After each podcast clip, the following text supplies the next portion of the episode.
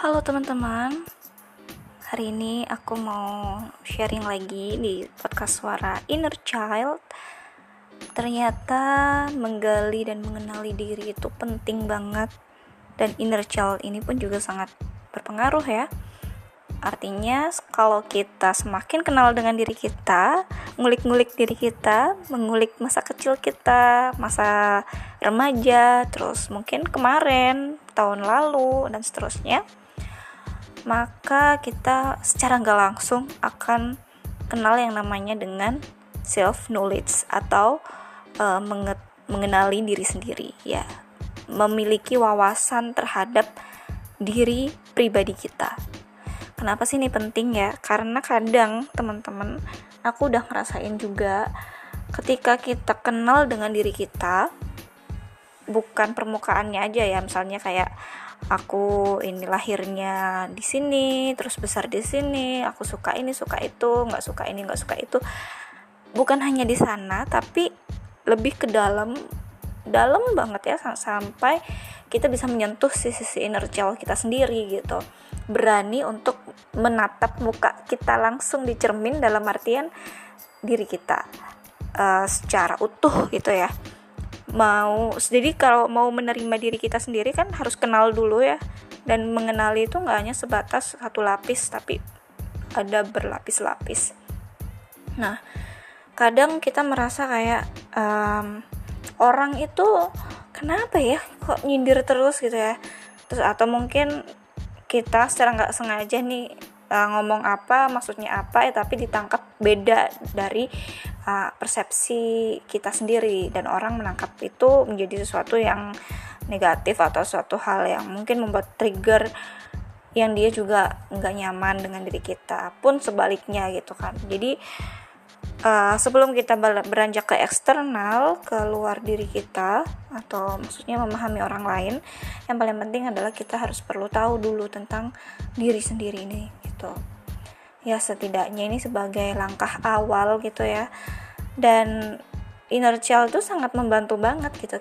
Uh, misalnya kalau kita pengen kenal dengan emosi kita dengan sesuatu hal yang membuat kita bangkit semangat pun sebaliknya buat kita sedih down semakin kita gali akan semakin membuat diri kita melekat gitu ya artinya kita akan mampu mengenal dan makin lama kita bisa acceptance atau menerima menerima diri. Nah, sebelumnya kan kita merasa aku mau menerima diriku apa adanya, apanya yang diterima gitu ya.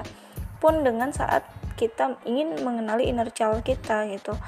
Jadi memang perlu uh, apa ya namanya poin-poin gitu, data yang valid, yang clear gitu supaya kita nggak ngawang-ngawang atau uh, kayaknya kayaknya aku ini deh gitu. Maksudnya kalau berdasarkan kayaknya itu banyak banyak yang buram gitu ya. Maksudnya belum tentu clear. Oke. Okay. dan dari langkah awal ini apa aja gitu. Mungkin nanti aku bahas satu-satu ya teman-teman di podcast selanjutnya. Tapi yang jelas yang pertama kita harus kenali dulu nih kecenderungan kita dan kebiasaan kita kita cenderungnya tiap orang kan beda-beda pasti ya dan kita bisa uh, nantinya bakal memasang boundaries atau batasan tuh dari kita mengenali kebiasaan dan kecenderungan diri pribadi kita. Nah, baru baru apa ya baru di awal aja kita harus sering-sering mengen apa ya menuliskan gitu seenggaknya list uh, kebiasaan-kebiasaan apa aja dan yang apa ya dan kecenderungan apa yang membuat kita nyaman dan tidak nyaman. Misalnya nih uh, kalau uh, kita melihat diri kita saat kita dikritik oleh orang gitu ya respon pertama kita itu sebenarnya itu kayak gimana?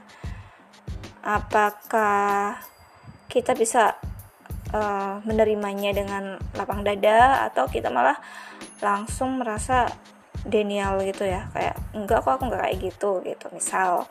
Tapi ini nggak perlu diungkapkan ke orang ya tapi intinya kita uh, list aja gitu kecenderungan kita sebenarnya dalam merespon itu seperti apa. Intinya lebih ke sikap dalam menghadapi situasi ya. Termasuk ketika obrol ngobrol dengan orang gitu ya. Obrolan apa yang paling tidak disukai sebenarnya? Misalkan ditanyain kapan nikahnya? Terus kalau udah nikah kapan punya anak? Dan lain-lain gitu. Itu obrolan-obrolan atau hal-hal yang cenderung kita tidak suka gitu. Pun sebaliknya kita senangnya apa cenderung happy dengan topik-topik apa kayak gitu.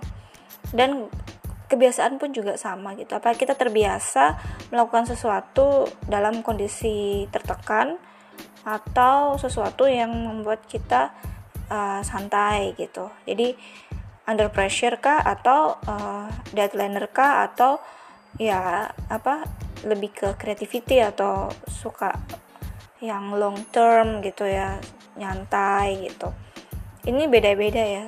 Jadi apa yang kita lakukan dalam kondisi luang, kondisi padat maupun kondisi di waktu-waktu deadline gitu.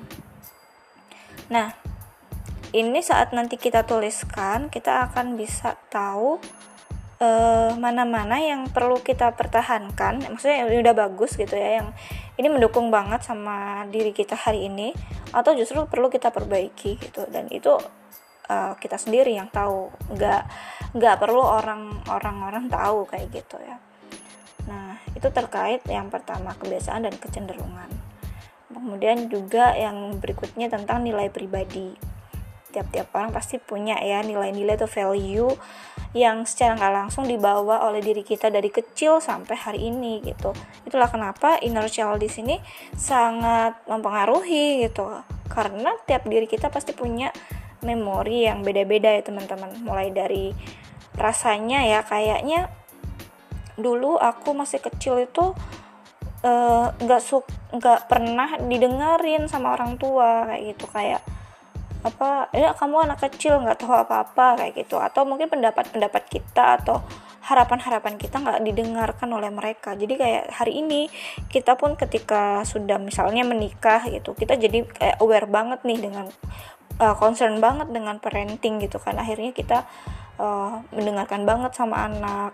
Jadi apa namanya uh, kebalik gitu ya. Atau justru sama gitu. Jadi kita jadi ngebawa diri kita dulu sebel banget nggak seneng banget dilakukan itu. Jadi kita melakukan hal yang sama atau istilahnya kayak ditur uh, apa ya diturunin gitu ya.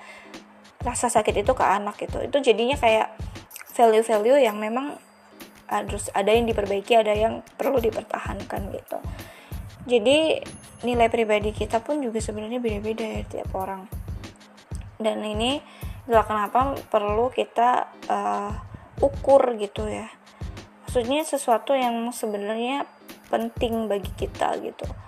Kenapa sih kita uh, merasa suka terhadap hal A gitu ya? Tapi orang nggak suka dengan hal itu. Itu karena nilai pribadinya beda-beda gitu. Pun juga uh, kita juga harus kenali dengan minat dan bakat kita. Passionnya apa? Terus kita punya bakat apa gitu ya bakat tuh sebenarnya nggak terlalu um, mempengaruhi ya tapi dia seperti menajamkan gitu selain mendukung apa yang akan kita asah gitu ya. Jadi kalau kita udah punya minat dan punya bakat ya bakal mudah gitu. Maupun juga uh, kepribadian kita personality kita. Introvert kah extrovert kah gitu ya. Sebenarnya kalau personality itu kan ada banyak ya jenisnya. Kalau teman-teman ikut MBTI itu dia ada 16 personality dan setiap orang memiliki karakter di masing-masing uh, poinnya gitu ya. Introvert extrovert intuitif uh, terus uh, sensi sensing sensing atau uh, intuitif gitu ya. Terus ada juga judgment atau persuasif perceiving gitu ya. Terus atau uh, apa yang kalau lihat ininya ya apa istilah kayak semacam tesnya gitu ya. Itu teman-teman bisa tes secara gratis gitu di MBTI Myers-Briggs Type Indicator. Dia uh, di apa namanya tesnya itu di uh, double triple W U personalities.com pilih yang bahasa Indonesia bisa. Di sana kita bisa recap ya uh, menyimpulkan kita apakah kita cenderung dominan di extrovert kah atau introvert kah sensing atau intuitive thinking atau feeling judging atau perceiving. Ini lebih kepada uh, mengenal personality diri kita. Karena ya mau nggak mau ya kalau misalkan kita pengen uh, bisa menerima diri kita harus kenali satu-satu.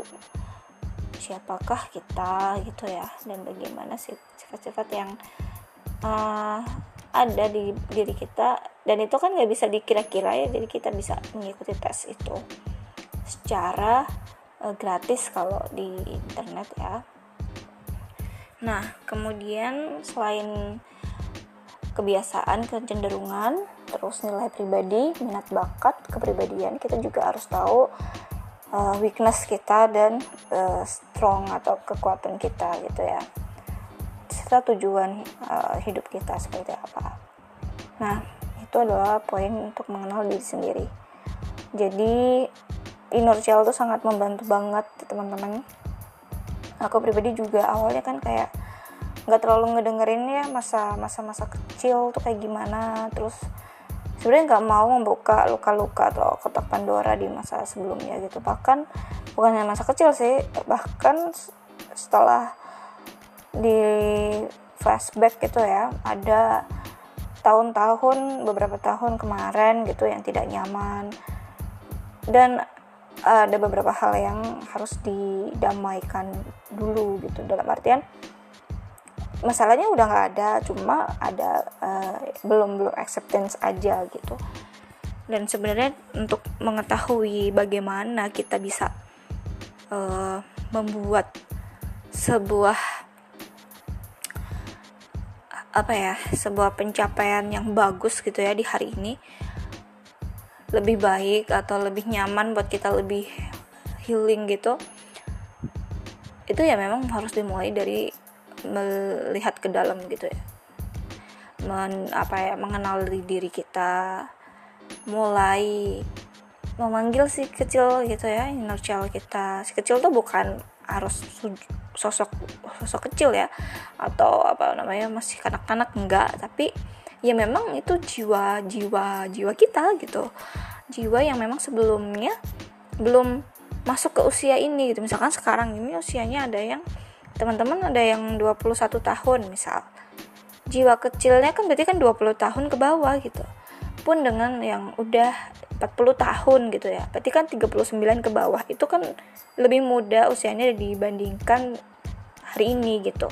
Jadi apa pun itu gitu memang kita perlu urai kita perlu apa namanya kenali gitu kan. Dan mengurainya itu jangan hanya fokus pada masalah yang terjadi ya. Tapi sebenarnya bentuk-bentuk diri kita yang wujudnya ber berupa kebiasaan, kecenderungan, nilai pribadi, kemudian kita kenali minat bakat kepribadian kita, kekuatan dan kelemahan kita, serta tujuan hidup itu, itu adalah bentuk konkret dalam mengenal diri sendiri. Inner itu membantu menguraikan atau menjelaskan gitu ya, misalnya flashback di 10 tahun yang lalu, oh aku waktu itu masih ini ini ini ada nggak kejadian-kejadian atau sesuatu yang sebenarnya itu melekat dengan kepribadian gitu? Dan hari ini seperti apa? Nah sikap-sikap dewasa itu kalau masalah apa namanya kepribadian itu nggak akan pernah berubah teman-teman ya. Misalkan yang cenderung introvert atau cenderung extrovert fix itu pasti masih tetap gitu ya. Tapi yang paling berubah itu adalah mindset atau pola-pola pikir kita dan uh, cara kita gitu dalam menghadapi hidup itu itu saat kita memiliki ilmu atau terus upgrade diri terus mengenal diri terus untuk memeluk diri kita memeluk si inner child kita dan mengatakan bahwa kita uh, sudah berdamai dan kita bisa terus memperbaikinya. Nah itulah yang disebut dengan sudah healed gitu ya sudah sudah uh, rilis gitu. Dan tinggal jadi ketika ada masalah-masalah yang terjadi di kemudian hari atau di setelah kita heal itu maka akan lebih mudah kita untuk menyelesaikannya gitu. Oke sekian podcast hari ini. Semoga bisa sih mengenal diri sendiri ini. Dari si inner child suara inner child bisa membuat diri kita lebih nyaman gitu ya. Oke see you dan bye